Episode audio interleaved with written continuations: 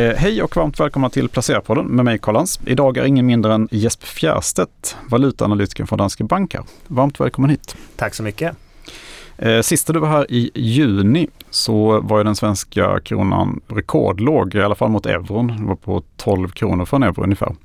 Sen dess har vi fått en eh, ganska kraftig förstärkning då. Den är fortfarande inte stark kronan skulle jag säga, men, men den har ju ändå stärkts mycket. Vad är det som orsakat den här förstärkningen då? Ja, det har ju varit en ordentlig resa kan vi säga och eh, för saks skull, vi var aldrig riktigt på 12 11,9950 så på tredje okay. decimalen klarar vi oss. Men det, var, det såg väldigt eh, mycket ut som att 12 skulle bryta. Mm. Det som har kommit därefter är framförallt skulle jag säga den stora anledningen till att vi såg den här kronrevanschen under sista kvartalet i fjol. Det handlar om att risksentimentet stabiliserade sig och blev betänkligt bättre. Vi fick ett tomterally till slut på globala börser. Eh, så det skulle jag säga var den primärt drivande kraften. Det tillsammans med fallande räntor, förväntningar på breda räntesänkningar. Sen mm. hade kanske även Riksbanken ett visst finger med i det spelet också och det kan vi såklart komma in lite mer på om vi önskar. Hur eh, ser det ut just nu då? Tycker du? Ja, nej, men vi är väl fortsatt inte direkt positiva på kronan. Vi tycker att kortsiktigt eh, en euro kring 11.30 där vi handlar just idag då, det ligger mitt i det hugget som vi tror är den rimliga värderingen här under Q1. Eh, vi har försökt pensla ut en range i eurosek mellan 11.20 och 11.40. Eh, så jag skulle säga det vi har sagt till våra kunder att överväga att, att, att köpa på sig eurosek när vi är under 11.20 och eh, om man vill trada det omvända när vi är vid 11.40 helt enkelt. Mm. Så att eh, in, ingen stor förstärkning av kronan från den här nivån alltså? Nej, eh, vi tror tyvärr att de här faktorerna som jag nämnde eh, sist jag var här eh, i, i, juni i fjol då med eh, de här kapitalflödena som fortsatt är tydligt kronnegativa, de står alltjämt fast. Eh, vi tror att 2024 blir ett utmanande år om vi pratar den globala tillväxten. Eh, och det är generellt en sak som brukar missgynna kronan. Så vi, är inte, vi ser ingen liksom återgång till de här 11 som vi var nere på vid årsskiftet mot euron utan snarare upp mot 11,50-11,60 fram till sommaren tror vi. Vad skulle kunna vända trenden då? Vad skulle kunna överraska positivt för kronan här? Ja, eh, det är väl miljonkronorsfrågan rent ut sagt. Eh, det finns ju en himla massa saker men om man ska försöka förhålla sig till det som ändå är rimligt att se i närtid så kanske det framförallt handlar om att vi lyckas orkestrera en sån här fin mjuklandning som de flesta kanske hoppas på. Helt som man enkelt. verkar få i USA då kanske? Ja men precis. Och att vi kan få det här, även här i Europa utan att vi ser att Europakonjunkturen blir alltför eftersatt här under, under 2024. Eh, vi är ju ändå relativt positiva den svenska ekonomin. Jag tror inte att det räcker på egen hand för att gynna kronan utan vi behöver ändå få lite europeisk draghjälp om inte annat. Och om du kollar på um, SEK dollarkursen då? Vad säger du om den just nu? Ja, eh, 10,50 är den ungefär? Den är 10,50 här just nu. Eh, jag skulle också säga att kortsiktigt så ligger den ungefär där den bör ligga om vi ser till. Vi, vi gillar att kika när vi pratar kortsikt, alla olika tidshorisonter men våra kortsiktiga prognoser då pratar vi en till max tre månader, så ett kvartal framåt. Eh, då gillar vi att kolla på hur räntor handlar, eh, räntedifferentialer och enligt våra ja, favoriserade kortsiktiga räntemodeller så ligger både eurosek men även då dollarsek ungefär där den bör ligga här då, så i dollarsek termer 10,50. Eh, sen är vi under fortsatt, eh, under 2024 är vi fortsatt positiva till dollarn rent generellt, inte bara mot kronan utan även mot euro och de flesta andra valutor. Eh, så där tror vi ändå att vi har ganska mycket mer att hämta i termer av dollarstyrka. Eh, så över eh, loppet av 2024 så tror jag att till sommaren kan en dollar kosta strax under 11 eh, återigen och att den håller sig kring de nivåerna därifrån och året ut. Mm. Vi står inför en, en räntesänkningscykel som lite smått har börjat då i Polen och Tjeckien bland annat. Mm. Eh, normalt sett brukar det vara Fed som leder de här eh, räntesänkningscyklerna, men det, på den här gången och det borde då gynna dollarn, tänker du då också? Ja, men exakt. Eh, det är ju det generella narrativet, om vi kan kalla det det, att Fed som är den största och mäktigaste centralbanken leder både i uppgång och nedgång. Sen är det inte alltid rent krasst att det är så, för de här centralbankerna du nämnde, både Polen och Tjeckien, de var även tidigare med att höja räntan när det väl begav sig för två år sedan, två, tre år sedan snart. Eh, men om vi pratar om de här utvecklade större centralbankerna, Fed, ECB, om vi räknar in Riksbanken, Bank of England och det gänget, då brukar Fed ses som den ledande, helt klart. Eh, men nu är det helt enkelt så man kan väl inte utesluta att Fed ändå kan gå före både ECB och, och Riksbanken. Vi har det, Danske Bank har det som en prognos att de alltjämt kan göra det. Eh, men personligen så tycker jag väl att det lutar åt att vi i Europa trots allt kommer gå före just för att den ekonomiska tillväxten alltjämt är så pass robust i USA. Eh, jag skulle säga att inflationsrisken är nog alltjämt högre i USA än vad de är här i Europa. Här kommer det ner ganska snabbt här eh, kortsiktigt medan USA tycker jag ändå att sista siffrorna ger lite fog för oro kring om vi verkligen är i ett läge där Fed känner sig bekväma med att sänka. Du har varit ute här och eh, träffat mycket kunder senaste eh, veckorna. Vad eh, ställer de för frågor till, till dig? Ja, Ja, nej, men det är såklart många frågor. Det speglar väl att det kommer att bli ett väldigt spännande 2024. Den typiska makrofrågan om man säger så, det handlar väl mycket kring det här huruvida vi får se en mjuklandning eller om det blir en recession i slutändan. Eh, och där tror vi, eh, som jag tror jag nämnde lite kort, att vi vi tror och hoppas på en mjuklandning trots allt om vi pratar den globala ekonomin. Eh, men då ska man väl ha med i bakhuvudet att det finns tidigare fall i historiken där det sett ut att gå mot en mjuklandning tills den dag det inte längre gör det. Så man behöver nog fortsätta ha lite vaksamhet där. Eh, men det är klart högt upp på agendan hos de flesta jag har pratat med. Eh, annars är det mycket fokus på centralbanker. Nu nu är vi inne i en sänkningsvåg. Eh, vi väntar bara på de första större centralbankerna att när de ska sänka räntan, hur mycket de ska sänka och vad det får för påverkan på, på tillgångslag och på ekonomierna som helhet.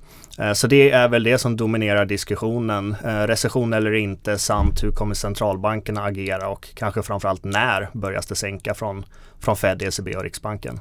Och vad tror ni här? Ja, nej, men som sagt, där har vi då som bank en vy att Fed ändå går först i mars. Eh, det var jag ska inte säga länge, men ett tag i alla fall så var det även det som penningmarknaden prisade in. Nu har ju det justerats bort i och med den urstarka arbetsmarknadsrapporten framför allt. Sen ska man väl säga att risken finns fortfarande där, risken eller chansen beroende, beroende på hur man ser det. Eh, kanske inte den ekonomiska risken på det sättet, utan nu pratar vi nog mer finansiell risk i och med att det är lite andra amerikanska banker som har börjat skaka här nu eh, de senaste dagarna eh, och att det kanske snarare blir en finansiellt eh, påtvingad sänkning från Fed om så är fallet. Men, är det lite som eh, i mars förra året när vi fick en lite bankris? Ja men det är lite, det är inte kanske lika spritt som, för då handlar det ändå om en handfull banker och nu är det framförallt en eh, New York-bank som, som har lite problem. Men det är även den banken som köpte upp vissa av de här fallerade tillgångarna från förra våren då. Så det kanske inte bör vara alltför överraskande. Men jag skulle säga så här då att personligen för att Fed ska sänka i mars Eh, då tror jag nästan att det kommer behöva vara finansiellt påtvingat snarare än ekonomiskt. Eh, och den risken finns alltjämt där. Eh, men som bank så har vi en vy att Fed går först i mars. Personligen är jag lite mer tveksam. Annars tror vi att det är Riksbanken och ECB som börjar sänka i juni. Och där är det lite kluvet kring vad marknaden säger. Det kan det kan ske redan i april från ECB och Riksbanken prissätts eh, redo att sänka från maj ungefär nu enligt den senaste prissättningen. Mm. Och hur mycket kommer de att sänka då det här under 2024? Ja men då tror vi att om nu Fed går i mars så nöjer de sig med 100 punkter. Eh, så de går från 5,5 till 4,5 vid årslutet. Eh, Riksbanken och ECB om de börjar i juni som vi tror då så blir det 25 eh, Eh, i juni och sen 25 under efterföljande två kvartal så totalt 75 punkter ner så att eh, vi slutar på 3,25 istället för dagens 4 då. Eh, och där kan jag bara flika in då att rådande marknadsprissättning, alltså förväntan hos räntehandlarna rent ut sagt då, eh, är väl snarare upp mot fem sänkningar från, från både ECB och Riksbanken under det här året. Då, så de ligger för lite mer eh, räntenedgången än vad vi har i korten. De är lite positiva helt enkelt på marknaden. Ja, eller så ser de större recessionsrisker. Det beror lite på hur man ser det. Att de ser snarare att det kan behövas sänkas mer på grund av lite oro kring tillväxten och den bilden. Så det beror på eh, om glaset är tomt, vad säger man, halvtomt eller halvfullt, hur man mm. väljer att tolka den biten. Men så mm. kan man se det. Eh, jag tänker på det, man pratar ju alltid, nästan alltid eh, kronan mot euron och dollarn. Men hur ser det ut eh, kronan mot andra valutor? I världen? Hur har den gått sen, sen sist? Ja, nej men eh, kollar vi på ett, eh, Riksbanken har ju ett index som de gillar att kika på. Det är sällan de eh, uttalar sig om kronan specifikt mot, mot varken euro eller dollar eller någon annat valutapar så, utan då, då är det KIX index, den här handelsviktade kronan.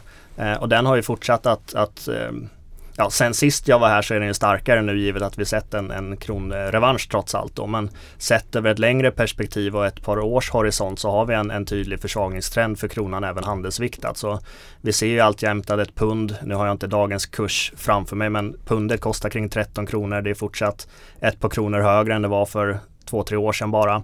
Eh, så jag skulle säga att med vissa undantag eh, så har nog kronan tappat mot de flesta övriga valutor trots allt, åtminstone av, dem, eh, av den större karaktären. Mm. Och för att vända det här krävs någon, en större, längre högkonjunktur då? Ja, nej men eh, precis. Kronan brukar eh, som vi kallar det på fikonspråk vara procykliskt eh, på renare svenska. Den, den handlar starkt när det är hög tillväxt i, i den globala ekonomin helt enkelt. Så får vi, får vi till den här mjuklandningen och sen en ganska snar återhämtning som inleds kanske redan mot slutet av det här året eller tidigt 2025 så skulle det kunna ge stöd åt kronan. Eh, annars tror jag på att för att se en eh, för, för som vi har resonerat, vi har ju liksom haft under många år den här trenden för en stadigt svagare krona. Och kring den här trenden så ser vi fluktuationer att ibland handlar kronan ännu svagare, ibland handlar den lite starkare men den följer fortsatt trend. Eh, och det jag pratar om här nu att vi kan få se en högkonjunktur från 2025, kanske.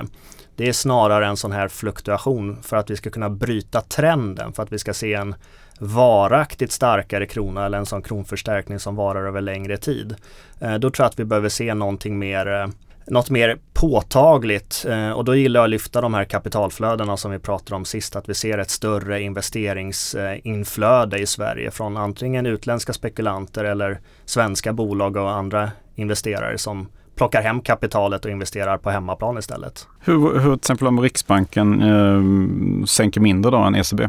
Mm. Hur mycket kan det påverka till exempel? Nej men det är absolut en sån sak som skulle kunna hjälpa kronan. Eh, sen är det här att Räntevapnet är det Riksbanken har och det är trots allt ett ganska trubbigt vapen såväl vad gäller inflation som kronan. Men, men rent krasst, säg att i den här sänkningscykeln att Riksbanken väljer att vila lite på hanen kontra ECB och att när allt är sagt och gjort så landar vi på en styrränta som är 50, 75, kanske 100 punkter över ECBs. Eh, då har vi definitivt en räntefördel som bör gynna kronan. Alltså där var vi 2013 någonstans va? Och då var ja. kronan rekordstark också mot Exakt. euron. Ja. Och då var det dessutom eh, ovanpå det så hade du eurokrisen och allt vad det innebar så du hade även det konjunkturella argumentet. Eh, men det, det, skulle jag säga att det är definitivt en miljö som skulle kunna vända den här långsiktiga trenden för kronan. För med det här räntegapet, om vi nu får se det och om marknaden, alltså alla vi investerare där ute får för sig att det här är någonting som inte bara gäller ett halvår utan det här är en varaktig divergens. Eh, då är det en sån sak som skulle kunna locka tillbaka investeringskapital till Sverige och den svenska kronan. Eh, men det som är Riksbankens rävsax är att vi är i princip Europas mest räntekänsliga ekonomi. Så det gäller att vi kan bibehålla den räntefördelen utan att vi kastar konjunkturen framför bussen. Och det är väl där det är lite svårt att säga om vad som är den korrekta ansatsen och hur mycket vi vågar sticka ut heller för den delen. Eh, jag tänker på 2024, ehm, eh, finns det någon speciell, ehm, finns det några kommande händelser som man kan förutse som kan påverka valutamarknaderna? Som du ser. Jag ja. tänker lite, det är väldigt mycket val i ja. världen i år till exempel.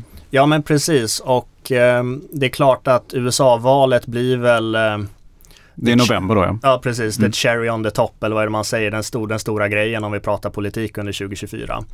Uh, eh, och uh, det är ju såklart väldigt svårt att sia i. Jag tror ju att vi kommer se, ja, givet att vi inte har utgången klar, vi vet ju ännu inte exakt vilka som kommer kandidera. Uh, men jag tror det kommer vara ganska, det kommer bidra med volatilitet om inget annat.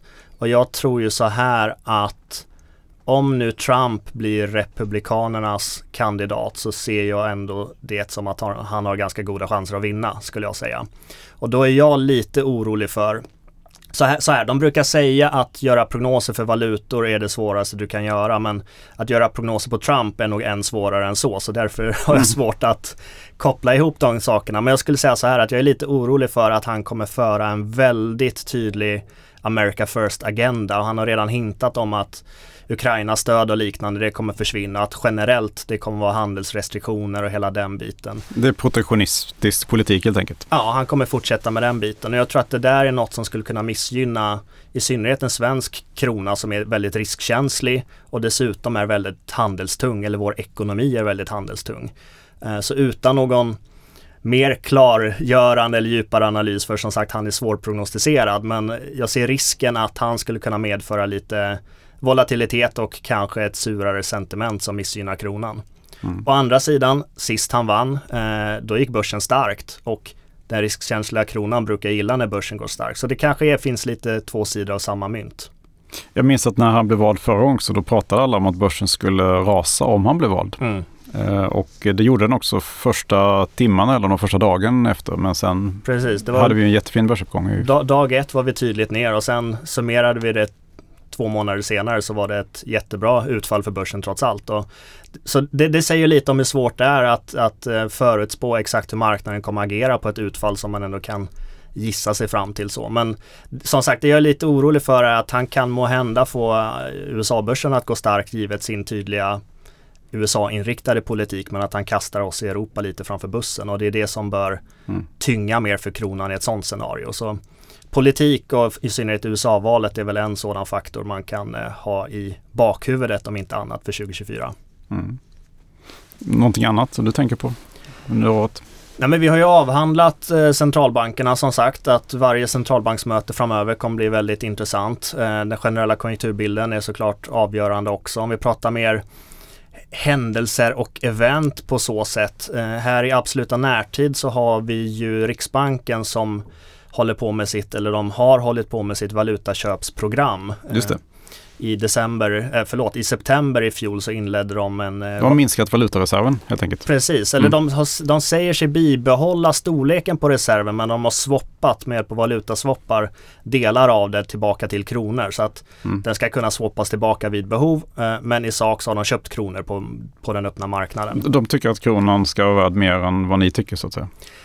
Man kan spekulera att det är, det är fallet, att det är en liten förtäckt intervention de har hållit på med. Eh, men vi har ändå tagit den andra bilden där, att vi tror inte att det är specifikt i uttalat syfte att stärka kronan. För de har varit väldigt tydliga rent kommunikativt att det här har inte med kronans växelkurs att göra. Sen, sen får man ju lära sig att man kan inte ta en centralbank på orden alla gånger. Men, men eh, liksom i valutainterventionsskolan så lektion 1 är säg tydligt vad det gör för det ökar trovärdigheten och nu har de sagt tvärtom att det här är inte för att stärka kronan.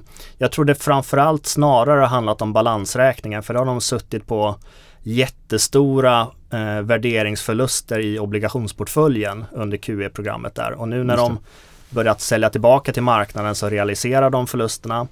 Eh, det florerade lite i media. De hade ju räknat fram att de skulle behöva återkapitaliseras med 80 miljarder. Eh, kom det ut här i höstas. Nu har det minskat till 40 miljarder. Eh, dels för att räntorna har fallit sedan den första beräkningen. Men dels för att de har kunnat låsa in lite fina valutakursvinster i, i det här eh, återköpsprogrammet skulle jag säga. Eh, så jag tror inte nödvändigtvis de var öppna med att det är klart att det kan vara en positiv bieffekt om vi ser en starkare krona av det här. Men jag tror inte det var huvudsyftet bakom det hela. Mm. Eh, och det var lite det som jag hintade om när vi pratade om varför kronan gick starkt från, från i somras fram till årsskiftet. Att Riksbanken hade ett finger med i det spelet. Och jag tror att deras beslut från september att inleda detta, det var ett, ett sådant finger helt enkelt. Mm. Hur är det med de här utökade obligationsförsäljningarna förresten?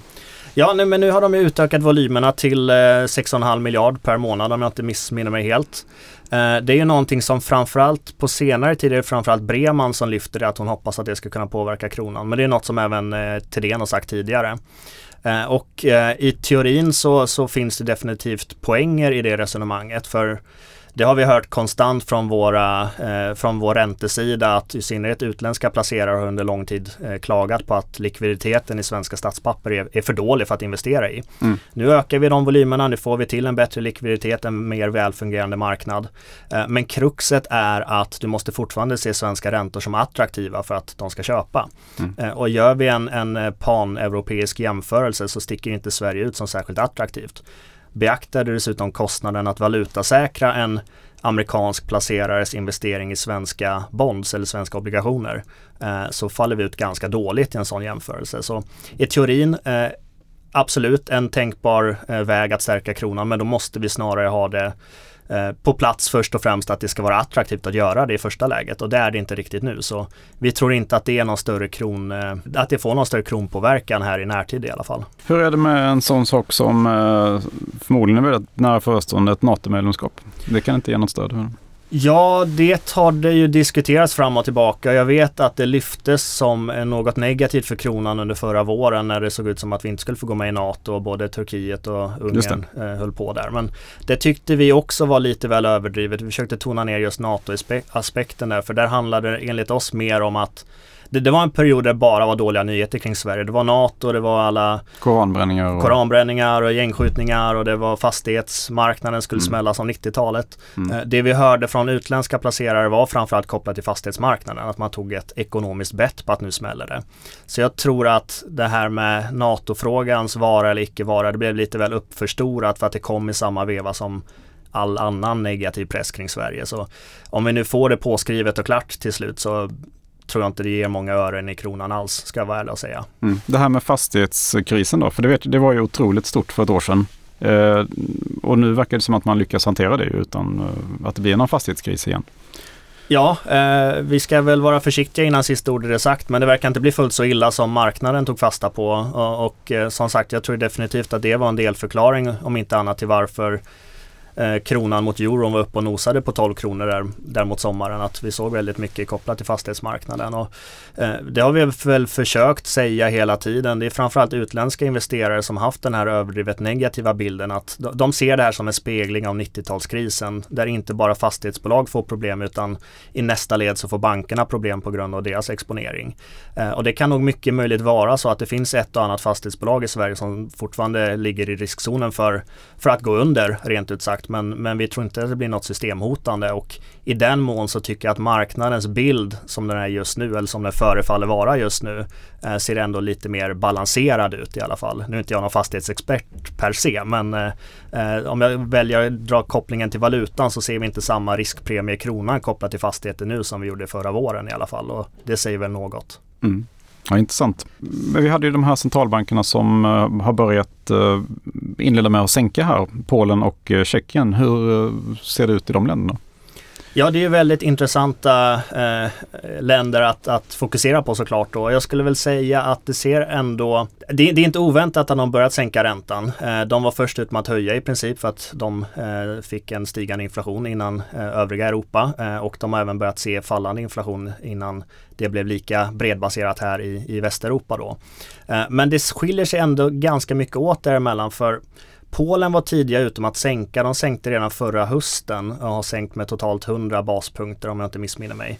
Eh, sen dess har de slutat eh, och nu ligger de pausade på på rådande styrränta eh, och har helt plötsligt börjat bli lite oroliga kring inflationen igen. Eh, och det har istället, eh, då har istället Tjeckien axlat den här sänkarmanteln och de hade ett eh, möte i vad var det, det var förra månaden då de sänkte första gången med 25 baspunkter eh, och nu väntas de sänka senare idag återigen med någonstans mellan 25 och 50 baspunkter. Eh, men just fallet Polen tycker jag är väldigt intressant. Nu, nu är jag ju bankens eh, slottig ekonom så jag har framförallt fokus på valutan och jag är inte flytande i varken polsk politik eller ekonomi på det sättet. Men jag får intrycket att det som sker i Polen nu när vi pratar räntor och valuta är väldigt mycket politiskt motiverat. För där har vi haft ett eh, regeringsskifte här precis. Eh, mm. så tid... val i oktober. Mm. Precis, och då vann ju Donald Tusk, eller den koalition som led leddes av Donald Tusk. Och han är ju gammal, om det är EU-kommissionen, han har suttit, äh, EU-rådet, Europeiska rådet. Ja, han är gammal liberal. Mm. Precis, och väldigt EU-vänlig och har de här täta banden. Eh, och han har ju då lovat att han ska låsa upp de här EU-medlen som, eh, som låstes in då när EU inte gillade vad lag och rättvisa höll på med för ett par år sedan. Och det är, eh, nu har jag inte sett något exakt estimat för det verkar spreta ganska mycket men det är någonstans ja, 50 miljarder euro som ligger och väntar där. Så det är en substantiell summa pengar som ska flöda in i Polen. Och, eh, och det är till infrastruktur då framförallt? Ja men exakt, exakt. Mm. Eh, och det är någonting som, det är investeringskapital som ligger och väntar. Det är något som skapar inflöde av kapital. Det är något som valutan redan nu har reagerat på. Kruxet här är att eh, Donald Tusk, han är ju bara premiärminister. Sen har de en president utöver det. Mm. Och den här, Duda heter han va? Eh, exakt, du kan din, du kan din polska ja, politik. Ja, jag kan Polen någorlunda bra. eh, och den här Duda då, han är ju egentligen mer polare med den gamla regeringen. Eh, och han har ju dessutom vetorätt över viss lagstiftning. Jag vet inte exakt hur långt hans mandat sträcker sig där, men om du ska in och pilla på grundlagar och den biten som Lag och rättvisa försökte pilla på tidigare i alla fall, då har Duda rätt att lägga in sitt veto. Man behöver hans underskrift? Eh, han behöver godkänna det. Ja. Mm. Och det har han ju sagt att vissa grejer som Task vill genomföra, det är inte han lika sugen på att eh, godkänna helt enkelt. Och då väljer en del bedömare att koppla det till hans lojal lojalitet till den tidigare, tidigare regeringen då. Eh, och det här har även, tror jag, finns det en risk att det har speglat av sig lite på centralbanken. För en av, Do, nej, förlåt, eh, en av Tusks eh, koalitionspartner var under ja, upptakten till valet i alla fall var ganska tydlig med att om vi vinner då gör vi oss av med Glapinski som är chef för centralbanken. Mm. Så han verkar inte heller vara bästa polare med den nya regeringen. Så han sänkte räntan inför valet för mm. att kanske ge lite goodwill till sittande mm. regering. Sen så fort valet var ö, överstökat så har de slutat sänka igen. Trots att inflationen har fallit. Den har i princip halverats från första sänkningen. Så, och hög är inflationen nu då? Men nu ligger den kring, beroende på mått, så är den 5-6 procent. Jag har inte den senaste siffran. Så de, de, är en bit över målet, absolut. Men de började sänka första gången när den var 10. Så om man ska följa liksom någon typ av rim och reson så borde de ha fortsatt sänka utifrån den aspekten. Mm. Eh, så det är lite politik som stökar till det även på centralbanksfronten, även om man ska vara oberoende. Men eh, det här hela, eh, hela grejen med att Polen då slutat sänka räntan medan eh, Tjeckien har börjat och ser ut att fortsätta. Eh, det har ju gynnat Slottin på bekostnad av, av den tjeckiska koronan.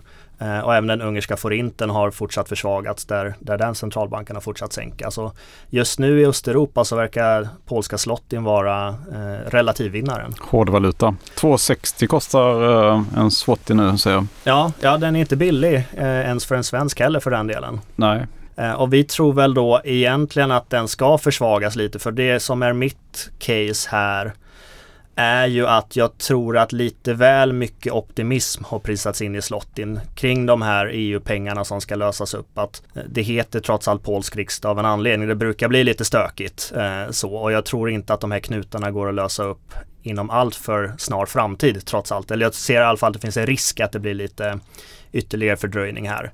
Eh, samtidigt som jag ändå ser framför mig att inom max ett kvartal så borde den polska centralbanken återta sina räntesänkningar och fortsätta sänka ytterligare och att vi då missar det här ränteargumentet. Så jag räknar med en viss försvagning. Det är räknat mot euron då. Men eftersom vi även tror att kronan ska försvagas mot euron så är det väl ja, give or take eh, ganska oförändrat för, för slott i SEK då helt enkelt. Mm. Finns det ytterligare något i Östeuropa som du kikar på just nu?